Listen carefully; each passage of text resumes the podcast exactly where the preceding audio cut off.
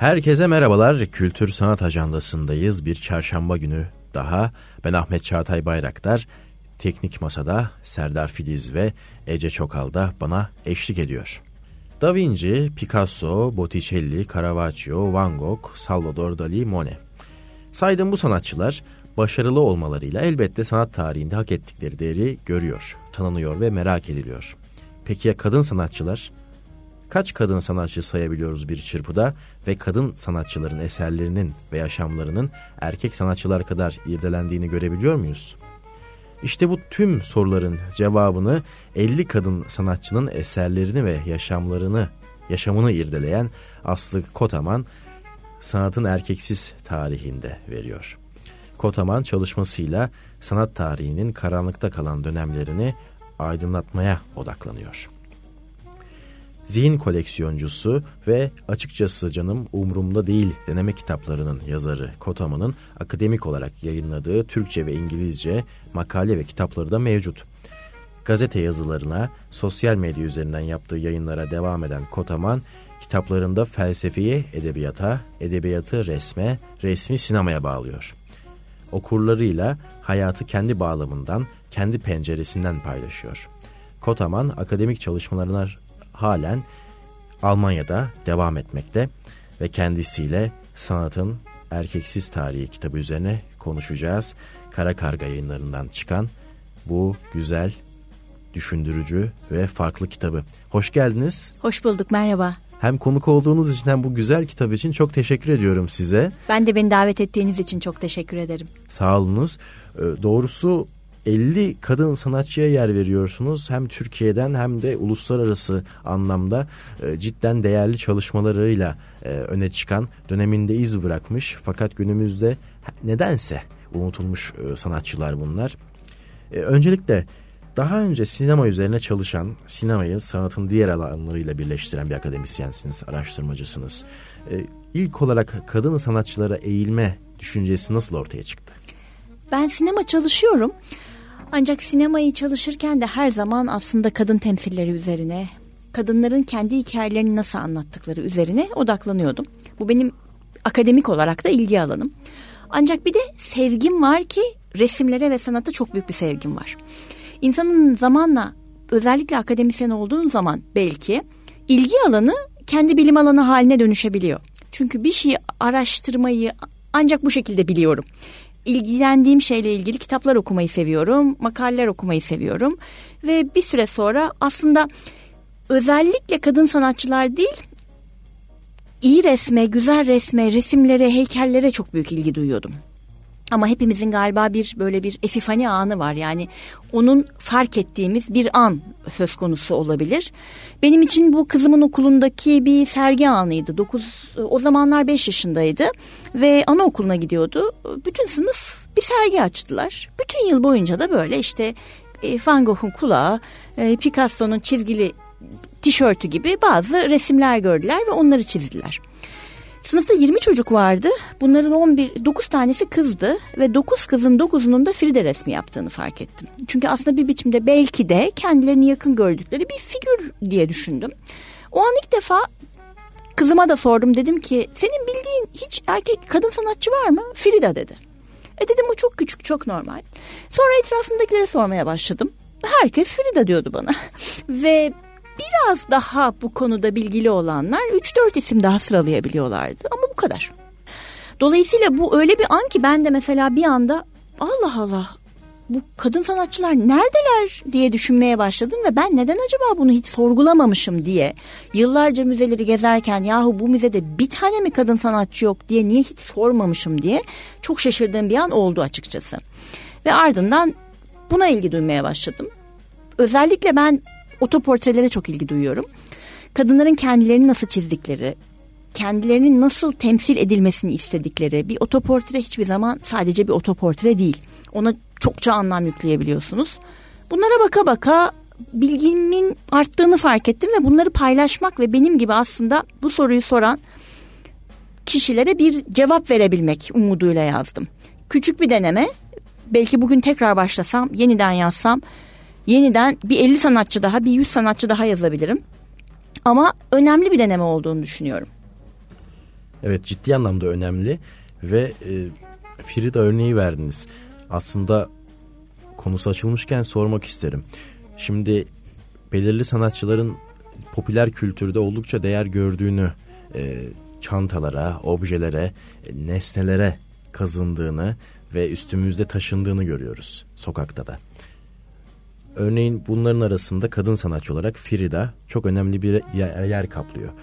E, fakat bir sanatçı gözüyle bakıldığı zaman Frida Kahlo'nun o e, yüzü veya otoportreleri dışında yaşamının ve diğer eserlerinin yeterince irdelendiğini düşünüyor musunuz? Frida çok çalışılmış bir sanatçı. Ve popüler kültür kendine her dönem büyük ihtimalle yeni bir isim arıyor. Onlardan bir tanesi oldu. Tabii bence bu konunun ardında kendi hayat hikayesinin melodramatik yanı, çok renkli hali, renkli kişiliği, aynı zamanda da hem ya İngilizce de konuşabiliyor olması, Amerikalı Meksikalı olması dolayısıyla da bu popüler kültürün kolayca onunla ilgilenebildiğini düşünüyorum. Çünkü aslında biz İngilizce konuşulmayan dünyada neler olup bittiğini çoğu zaman da öğrenemiyoruz. Çok önemli yazarlar ancak İngilizceye çevrildiklerinde okunabiliyor ve tartışılabiliyor. Ee, dolayısıyla Frida'nın böyle bir şansı da var diye düşünüyorum. Bir de böyle kırık bir aşk hikayesi var işin içinde ve sadece aşk hikayesi de yok. Bir kavuşulamama var, bir aldatma var. Yani böyle bir yerli dizi kıvamında bir hayat hikayesi de var. Ee, Frida'yı asla küçümsemek için söylemiyorum. Çünkü önemli bir sanatçı olduğunu elbette düşünüyorum. Benim düşünmeme ihtiyacı da yoktur zaten büyük ihtimalle. Ama ben sanatçıları sadece Frida'ya indirgemenin problemli olduğunu düşünüyorum aslına bakacak olursak. Bir problem daha var bu noktada. Şimdi biz Frida'ya yine bunu kızımın anaokul sergisinde fark etmiştim ki işte Frida'ya biz Frida diyoruz ya. İsmiyle hitap ediyoruz Frida'ya. Bu biraz çocuksulaştırmak değil mi aslında? Ama siz hangi erkek sanatçıya ismiyle hitap edildiğini gördünüz? Ya Pablo dersek biz çocuk Pablo'dan bahsediyor oluruz. Soyadıyla hitap Vincent, ederiz evet genelde. biz soyadıyla hitap ederiz. Vincent dersek siz o kitabın Vincent van Gogh'un çocukluğunu anlatan bir kitap olduğunu düşünürsünüz bakın. Bu hiç şaşmaz. Ancak Frida dendiğinde aklınıza hiç Frida'nın çocukluğunu anlatan bir eser olduğu geliyor mu? Bu aslında bana hep üstü örtülü bir ayrımcılık, biraz sempatik bir kisve altında bayağı eni konu hatta ayrımcılık gibi geliyor. Cidden ufuk açıcı bir bakış açısı. Baktığımızda evet tüm e, eserlerin imzalarında sanatçıların, erkek sanatçıların kocaman kocaman imzalarını e, soyadı olarak görürüz. Veya bahsedildiği zaman akademik makalelerden tutun, tutun e, sanat ortamında da genellikle e, soyadıyla bahsedilir erkek sanatçılar. Fakat cidden kahlo demeyiz. Evet demiyoruz. Kahlo demeyiz e, veya diğer kadın sanatçıların soyadıyla anılmayız. Hatta hatta kadın sanatçıların e, eşlerinin soyadıyla ve eşlerinin ismiyle anıldığını da Tabii tanık tabii oluyoruz. tabii. Hatta bu da önemli bir konu aslında. İlham perisi diye bir kavram var. Aslında son derece cinsiyetlendirilmiş bir kavram. Ve sanatçıların bununla ilgili çok fazla yazan akademisyen yazar oldu. İlham perisi kavramı öyle bir kavram ki sanki kadınlar hayatları boyunca resmin sadece nesnesi ya da ilham perisi olmak için vardılar. Dolayısıyla biz baktığımızda bugün e, Dora Maar çok önemli bir sürrealist sanatçı olmasına rağmen onu Picasso'nun ilham perisi olarak tanıyoruz. Ya da Lee Krasner diye arayın. Bugün bile Google'a girin. E, çok da bilmediğiniz bir sanatçı olduğuna eminim ama çok önemli bir sanatçı. Siz Jackson Pollock'un eşi yazacak orada. Kadınlar genel olarak ya ilham perisi ya da eş olarak anılıyorlar. Kendileri eni konu sanatçı olmalarına rağmen maalesef bu kalıbı kırmak o kadar kolay olmuyor. Bunun sebepleri var. İşte ben de biraz bunları yazmak istedim. Çünkü aslında istediğim asıl şu. Bunun nasıl ben bir an bunu fark ettim ve yahu ben neden bunu daha önce hiç fark etmemişim dedim. Herkesin böyle bir anı olsun istiyorum. Ya Linda Nochlin diye önemli bir yazar neden büyük kadın sanatçı yok makalesini yazdığında aslında bunu niye yazmış biliyor musunuz? Bunu yazmasının sebebi şu. Bir galeri sahibi kendisine geliyor ve diyor ki ben diyor aslında kadın sanatçıların eserlerini kendi sergime da, dahil etmek istiyorum. İstiyorum ama neden büyük kadın sanatçı yok? Edemiyorum bir türlü. İşte Nochlin şunu diyor. Aslında buradaki sorun sorunun kendisinin yanlış olması. Siz yıllar içerisinde sanatçı olmasına izin verilmeyen bir sürü sebep dolayısıyla son derece fiziki maddi sebepler var ortada. Sanat nedir? Usta çırak ilişkisi üzerinden yürür. Kadınların çırak olmasının imkanı yok. E, kadınlar daha çok ev içi işe, eve ait işe ait görünüyor. Dolayısıyla sadece çok varlıklı ve çok anlayışlı ailelere sahip olmalılar ya da sanatçı babaları olmalı. Baba ressamsa bir tür el veriyor. Aslında kızına bunu öğretiyor. Onun dışında buna ulaşmalarının imkanı yok. Dahası heykel, resim yapabilmek için bir anatomi bilgisine sahip olmak, insan vücudunu, propozisyonlarını onu nasıl çizeceğinizi bilmek gerekiyor. E kadınların buna ulaşması yasak. Nasıl kafasından mı yapacak kadın rüyaya yatacak öyle mi çizecek bunu? Yok böyle bir imkan. Bu sadece 1800 Türkiye... yıllara kadar bu bütün dünyada böyle. Bütün evet. Tabii ki çizelim. bunu buna ulaşamıyorlar. Hatta bunun karşısında mesela Angelica Kaufman 1700'lü yıllarda çizdiği resimlerde o kadar iyi insan vücudu çiziyor ki onun hakkında söylentiler başlıyor. Acaba erkek kılığında bazı atölyelere girebiliyor mu diye. Ee, aynı zamanda kendisi Royal Akademi'ye kabul edildiğinde ilk Royal Akademi kuruluyor İngiltere'de ve oraya kabul edildiğinde iki tane kadın var bu akademinin üyesi ve zannediyorum Zafran'ın bir resmi vardı. Bu Royal Akademi'nin üyelerini galiba 1776'da bir resim yapıyor ve diyor ki işte bu Royal Akademi üyeleridir resmi. Bütün sanatçıları, akademinin üyeleri olan bütün sanatçıları içeride görüyorsunuz. Kadınlar yok. Kadınların portresi var duvarda. E çünkü içeri giremiyorlar. Giremedikleri için resim verirken bile orada olamıyorlar. Şimdi siz bununla karşı karşıyasınız. Artı bunlar da bitmiyor. Şimdi değerli görülmeyen, değerli derken maddi karşılığından da bahsediyorum. Sanatçıların eserleri kataloglanmıyor, saklanmıyor. İmha ediliyor. Yani zamanında ne kadar önemli olursan ol. Mesela bu Kaufman öyle müthiş önemli bir kadın. Çok zengin oluyor sanatından. Ee, kadın bugün için bakacak olursak aslında bayağı en tepedeki isimlerden bir tanesi. Ama eserlerini saklamadığınız zaman eserleri dolaşıma girmiyor. Bir kısmı imha ediliyor. E bugüne kalmıyor. Kayıtlıları kalmıyor. Nereden bileceğiz biz onların sanatçı olduğunu?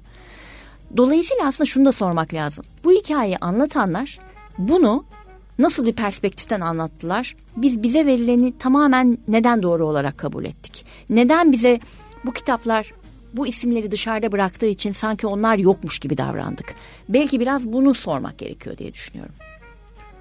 Ve sanat gibi e, tırnak içerisinde özgür, bağımsız ve yaratıcı düşünce alanı sunan bir alanda nasıl bu tür baskıların yaşandığını da aslında sorgulamak gerekiyor baktığımızda. E, ve e, Linda Nohlin makalesinden bahsettiniz. Neden hiç büyük kadın sanatçı yok başlıklı makalesi 1971 tarihli sanıyorum. Oldukça yakın bir tarih baktığımızda. Peki sanat tarihi e, bölümlerinde de artık bu makalenin adı geçiyor. E, ve şu anki duruma baktığımız zaman e, sanatta kadının adı ne ölçüde var? Şöyle cevaplayabilirim. Elbette ki eskiye göre daha iyi. Çünkü mesela şu anda da e, kadın sanatçının daha doğrusu sadece kadın değil ama erkek olmayan e, tüm cinsiyetlerdeki sanatçıların daha ön planda olduğunu ve yavaş yavaş işlerinin daha göz önünde olduğunu görüyoruz. Ama asla yeterli değil. Yeterli olamaz. Bunun yeterli olabilmesi için bu önemin katlana katlana artması lazım. Çünkü pastadan o kadar küçük bir pay alıyor ki aslında bu sanatçılar. E, yayına başlamadan önce de size söylemiştim. 2008-2019 yılları arasında bir araştırma yapılıyor. Toplamda 196 milyon dolarlık bir pasta olduğunu düşünelim. Bu pastanın içerisinde sadece 4 milyonunu kadınlar paylaşıyor. Kadın sanatçılar. Yani daha doğrusu erkek olmayan sanatçılar demek belki daha doğru. Onlar paylaşıyorlar. 4 milyon geri kalan 192 milyondan bahsediyoruz. Bu çok yeni tarihli bir çalışma. Dahası Picasso'nun kendi ederi 4.6 yani diğer bütün kadınlara geçiyor Picasso tek başına. Dahası da var. Bu 4 milyon içerisinde de aslında 6 tane isim aslında bu pastanın en büyük kısmından pay alıyor. Geriye kalan kayıtlı, e, bunun bir makalesi çıkmıştı. Çok da güzel bir makaleydi aslında. Geriye kalan kayıtlı 6 bin sanatçı pastadan o kadar ufak pay alıyorlar ki. Dolayısıyla bu görünürlüğün artması, örneğin sadece kadın sanatçı dediğimizde aklımıza Yayoi Kusama'nın gelmiyor olması, o da gelsin. Benim onlarla hiçbir derdim yok. Benim erkek sanatçılarla da bir derdim yok. Hayatta en sevdiğim ressam Edward Munch zannediyorum ki. Böyle bir cinsiyetçi bir bakışım yok sanata. Ama eğer birileri sessiz kaldıysa, birilerinin hikayesi anlatılmadıysa, birilerinin hikayesi halının altına süpürüldüyse benim onunla ilgili bir derdim var. E, programın öncesinde de sizle konuşmuştuk. Hani bu, bu kitabı aslında bir e, feminist perspektiften daha da geniş bir şekilde dediğiniz gibi halının altına emeği, halının altına süpürülmüş e, kadın sanatçıların varlığını tekrar hatırlatmak, e, tekrar anımsatmak için oldukça değerli olduğunu konuşmuştuk. Ve e, cidden bu kitabı e, sadece e, bir aktivizm eylemi olarak e, dar bir perspektiften değil, tamamen sanat tarihinde yeni bir hatırlatma, yeni bir nokta olarak yer verilmesi oldukça önemli düşünüyorum. Olduğunu düşünüyorum. E, mesela e, bu açıdan baktığımız zaman sizce kadın sanatçıların kendilerini göstermesi için milat olarak kabul edilmiş bir olay, bir süreç e, veya bir kişi var mıdır? Aslında kısmen var. 70'li yıllar ve Linda Nochley'nin bu makalesi ardından Gerilla Kızların evet. Bu konu üzerine çalışmaları 80'li e, yılların sonu muydu? İlk bu ya da 90 mıydı? Onu tam olarak hatırlayamıyorum. Kitapta var okumak isteyen varsa. Gerilla Kızların ilk ortaya çıkışıyla bu Londra'daki galerilerde acaba bu galerilere girmek için mutlaka soyunmak zorunda mıyız diye yaptırdıkları afişler büyük ses getirmişti. Dolayısıyla aslında o dönem o dönemki feminist çalışmalar bununla çok ilgilendi. E, işte Alice Neal gibi sanatçılar e, ve bu bu ekolden devam eden arka arkaya çokça çalışma yapıldı. E, Cindy Sherman'lar, e, Judy Chicago'lar bu isimleri yatsıyamayız. Onları bu alanlarla biraz ilgilenen herkesin tanıdığı bildiği isimler. Onların açtığı yol kuşkusuz ki önemli oldu. Bir farkındalık yarattı. Mesela gerilla kızlar şunu anlatıyorlar kendi söyleşilerinde. İlk başladıklarında bu kadın sanatçıları tekrar ait oldukları yere koyma çabalarına maske takmak zorundalardı. Bu sebeple de goril maskeleri goril takıyorlardı maskesi. aslında. Çünkü bu insanlar aynı zamanda sanat dünyasında bir fil çalışan insanlardı. Bu sebeple de hem bu şu an hafif hoş gibi görünebilecek o zaman için son derece marjinal bu protestoyu, bu aktivist eylemi diyelim gerçekleştirdikleri zamanlarda e, sanat camiası içerisinde iş yapmaya devam etmeleri için kendilerini gizlemek zorundalardı. Ve büyük maskeler takıyorlardı seslerini de değiştirebilecek. Gerilla ve goril arasında bir bağlantı kurmuşlar. Dolayısıyla goril maskesi takıyorlardı. E, bugün mesela kimi zaman biz gerilla kızların maskesiz poz verdiğini görebiliyoruz. Çünkü artık gerilla kız olmak tabiri caizse cool. Kabul görebilir bu. Oradan buraya geldi dolayısıyla iş. E, çok fazla insanın emeği, çok fazla insanın üretimi, e, dökülen çok gözyaşı, çok büyük çabalar ve emekler vardı. Dolayısıyla aslında bu insanları da tekrar iade itibar yapmak gerekir belki diye düşünmek lazım. Tabii bu kitap oldukça e, 50 sanatçıyı ele alması bakımından oldukça değerli. Her sanatçının emeğin ve yaşamındaki e, önemi kuşkusuz. Fakat sizin e, en çok etkilendiğiniz yaşamından ve eserlerinden en çok etkilendiğiniz e, sanatçı hangisi oldu kitap çalışması sırasında? Bu kitapla ilgili yaptığım söyleşilerde bu soru bana soruluyor ve her seferinde farklı cevap verdiğimi fark ediyorum. Demek ki birden çok beni etkileyen hikaye oldu aslında. Dün akşam buraya geleceğimi düşünerek bu soruya ne cevap verirdim diye kendi kendime bir düşündüm. Sizin bana bu soruyu sorabileceğinizi ve eğer sorarsanız ne cevap verirdimi düşündüm. Ve bu sefer aklıma başka bir sanatçı geldi. Charlotte Salomon diye bir e, kadın sanatçı 26 yaşında Auschwitz'in girişinde hamile olduğu için giriş, girmesine izin verilmeden öldürülüyor, katlediliyor. Yahudi Berlin'de yaşıyor, iyi bir aileden geliyor ve bir sanat eğitimi alabiliyor çünkü bütün sanat tarihi boyunca kadınlar sanat eğitimi alamıyorlar. Böyle okullar yok. Kadınları eğitecek okul yok. Okullar kadınları kabul etmiyorlar. Dolayısıyla bu da mesela az evvel anlatmadığım başka bir problem ama çok önemli. ya. Bunun eğitimini almaya izniniz yok. Dolayısıyla bu daha yeni dönemli olduğu için Yahudi bir aile ve iyi bir aile. Çok genç yaşta annesi ölüyor ve ona gripten öldüğünü söylüyorlar. Çok eski dönemlerden e, teyzesinin bir gün evden çıktığını ve bir daha geri dönmediğini biliyor. Ama ileriki yaşlarında aslında annesinin intihar ettiğini, teyzesinin intihar ettiğini, anneannesinin intihar ettiğini, dolayısıyla ailede bu intiharların olduğunu öğreniyor ve bunun sebebini anlamak istiyor.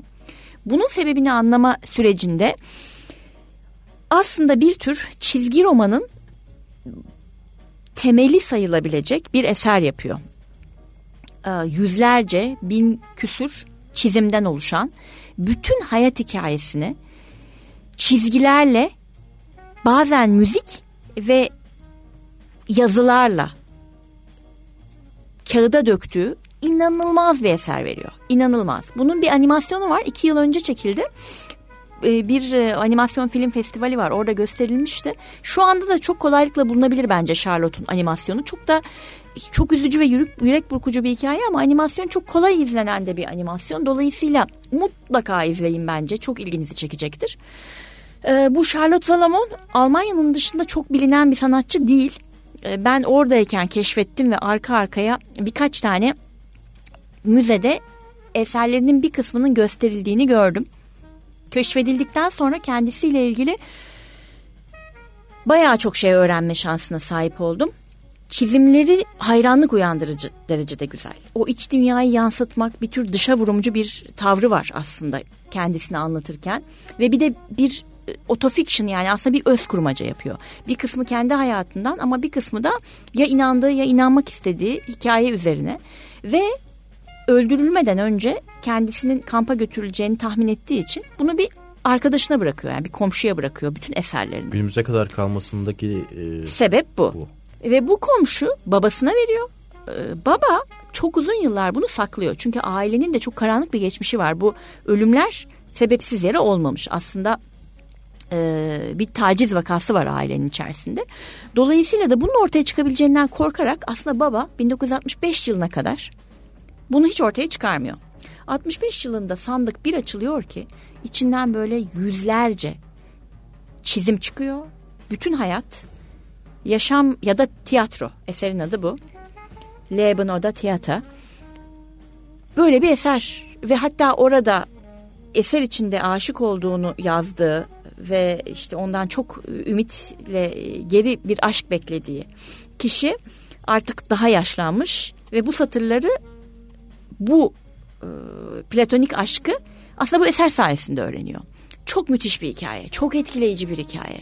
Ya bu Almanya'da her yerde konuşuluyor şimdi. Herhangi bir sanat e, müzesine gittiğiniz, galeriye gittiğiniz zaman e, yılda bir iki tane mutlaka Charlotte Zalaman'ın işlerini gösteren e, sergiler yapılıyor. Henüz buraya çok fazla gelmedi ama beni çok çok etkileyen sanatçılardan biriydi. Umarım bizler de görürüz kendisinin yaşam hikayesini ve eserlerini ve bu kadar badireden sonra e, günümüze ulaşması da büyük bir şans ve tabii bunda arşivciliğin bir yandan da önemini evet, görebiliyoruz. Evet, çok Türkiye'de, önemli. Türkiye'de maalesef e, o kadar e, değer bilinmeyen e, sanatçıların veya akademisyenlerin çalışmalarını vefat ettikten sonra belgelerini sahaflarda şans eseri bulabileceğimiz bir ortam söz konusu. Ve bu değerli sanatçıyı da bu şekilde hatırlamak, anmak oldukça değerli oldu. Ve tabii hikayenin geri kalanını da kitaptan okuyabileceğimizi de söylemek isterim. Ve Türkiye'nin yanında Avrupa özellikle de Almanya'daki e, sanat ortamında e, takip ediyorsunuz, izliyorsunuz. E, güncel olarak kadının sanattaki durumu nedir? Benim orada bulunduğum süre boyunca aslında Almanya'da arka arkaya çokça kadın sanatçının retrospektifi yapıldı. Ya ben bu kitaba yazdığım ve konu ettiğim Etel Adnan gibi, Paula Modernzon Becker gibi, işte Charlotte Salomon gibi birçok ismin e, birebir resimlerini, eserlerini görme şansına oradaki müzelerden elde ettim. Tabii bir izleyici olarak o işin içerisinde varım ama son dönemde son birkaç yıl içerisinde bunun bir ivme kazandığını hatta kısmen popülerleştiğini demek belki daha doğru. Yani her müze böyle bir iş yapmak istiyor. E, bunu e, aslında Türkiye'de de yapılıyor neredeyse. E, buna çok benzeyen işler. Yani Paul Orego'nun mesela geçen yıl Pera Müzesi'nde sergilenmesi, İstanbul Modern'in keza buna çok benzer bir iş yapıyor olması. Salt'ta geçen yıl bir e, ben biz siz onlardı galiba. E, ben gelememiştim. E, Türkiye'de değildim ama bütün e, kataloglarından da gördüğüm çok iyi bir iş yapıldı. Dolayısıyla bu işler biraz daha ön plana çıktı. Ama dediğim gibi daha çok yol var. Dağılınması gereken çok yol olduğunu e, söyleyeceğiz. Söylemek gerekir. Ve bu 50 kadın sanatçıyla sınırlı tuttunuz. Peki daha yer alması gereken bu da yer almalıydı dediğiniz isimler veya daha fazla bir sayı var mı elinizde araştırmaların sonucu ortaya Şimdi çıkan? aslında bunun sebebi şu, evet kesinlikle var. Biz bu kitaba ilk başladığımızda yayın eviyle ben görüştüğümde bana o zaman yani ilk çalışmaya başladığımda 50 onların da aslında yayın politikalarında sıklıkla kullandığı bu 50 maddede 50 kişide budur, evet, evet o ona çok uygundu ve ben aslında anlaşmayı 50 maddede sanatın erkeksiz tarihini anlatmak üzerine yaptım. E, ve böyle çıktım yola. Dolayısıyla da kitabın içinde de sıklıkla zaten ben 50 tane anlatacağım, 50 kişiye anlatıyorum şeyi geçiyor. Çünkü buna bir sebebini söyleme arzusu hissediyorum zannediyorum ki. Ancak kitap ortaya çıktıktan sonra basım aşamasında biz bu 50 maddede iyi kaldırmaya karar verdik. Çünkü dedik ki belki de böyle daha etkili olacak. Ee, sanki olduğu halini e, o bu isim daha çekici geldi. Bunu söylemek lazım evet. belki. Dolayısıyla 50 kişiyle sınırlı. Yani asıl sebep öyleydi. Yola çıkış hikayesi buydu. Ama bugün yazacak olsam bir 50 tane daha yazabilirim evet. E, çünkü bu işin içine girdikçe, araştırmaya başladıkça, bu hikayeleri duydukça, kitaplar okudukça aslında yeni yeni isimlere aşık oluyorum. Yani yeni yeni eserler görüyorum. Hiç bilmediğim kişilerin peşine düşmek, onların hikayelerini öğrenmek ve tekrar başkalarına da anlatabilmek hoşuma gidiyor. Kitabın yazım süreci ne kadar sürdü peki? Kitabın yaş, yazım süreci şöyle. Geçen ya yaklaşık bir sene sürdü. Bunun 6-7 ayı yazma, ondan önceki kısmı notlar alma üzerine ilerledi. İlk notları böyle ajandama hangi isimleri almalıyım diye ilk bir 13 isim yazdığımı hatırlıyorum. Ardından bir taneyi silip başka bir tane ekleyerek, bir taneyi silip başka bir tane ekleyerek ve işte birçok makale, birçok web sitesi bunların hepsinin yeni yayınları için kendime hatırlatma kuruyordum. Bana gelsinler ve hepsini okuyayım. Bu alanda çıkan kitapların hepsini taramaya çalıştım. Ee, tabii yani bir her ne kadar kitap sadece akademik bir kitap değil. Hatta akademik bir kitap da değil. Evet. Kitap kolay okunabilen, bir tür denemeye de benzeyen, kendi hayatımdan da izler taşıyan bir kitap. E, çünkü şunu fark ettim ki Şimdi akademisyen olunca bunun biraz dışında kalıyorsunuz. Yazdıklarımız çok kolay okumuyor bazen. Benim akademi dışında da kitaplarım var. Ama şu an bunun üzerine konuşsak, burada açsak çok kolay malzeme çıkabilecek hikayeler olmuyorlar. E, dolayısıyla bunun herkese hitap etmesini istediğim için biraz da böyle bir dille yazdım. Ve zannediyorum ki mesela okuyanların söylediği daha çok sohbet ediyor gibi. Hakikaten de biz sizinle burada nasıl konuşuyoruz? Hı hı. Aynı ona benzeyen bir dille yazılmış bir kitap. Ama arkasındaki araştırma süreci öyle değil. E, yani kütüphanelere gittim, makaleleri taradım. Her araştırma nasıl yapılıyorsa öyle bir araştırma yolu izledim. Peki okurlarınız için e, gelecekte, yakın gelecekte hangi çalışmalar ve kitaplar e, bekliyor? Benim yazacağım Evet. aslında bunu ben de düşünüyorum. Bunun devamını mı yazmalıyım diye. Kafamda otoportrelerle ilgili bir iş yapmak var. Çok Yine kadın sanatçılar kadın sanatçıların üzerinde. otoportreleriyle ilgili bir iş yapmak var. Ama bunu biraz daha genişleterek aslında biraz kadın temsili üzerinden karşılaştırmalı bir iş yapmak var. Henüz hala e, kendi masa üstümde üç tane klasörüm var. Dördüncü kitap adı altında üç tane klasör. Üçünde birbirinden farklı şeyler var. E, yani çok alakasız. Hangisinin önce çıkacağını bilmiyorum. Ama onları çalışmaya başladım bakalım.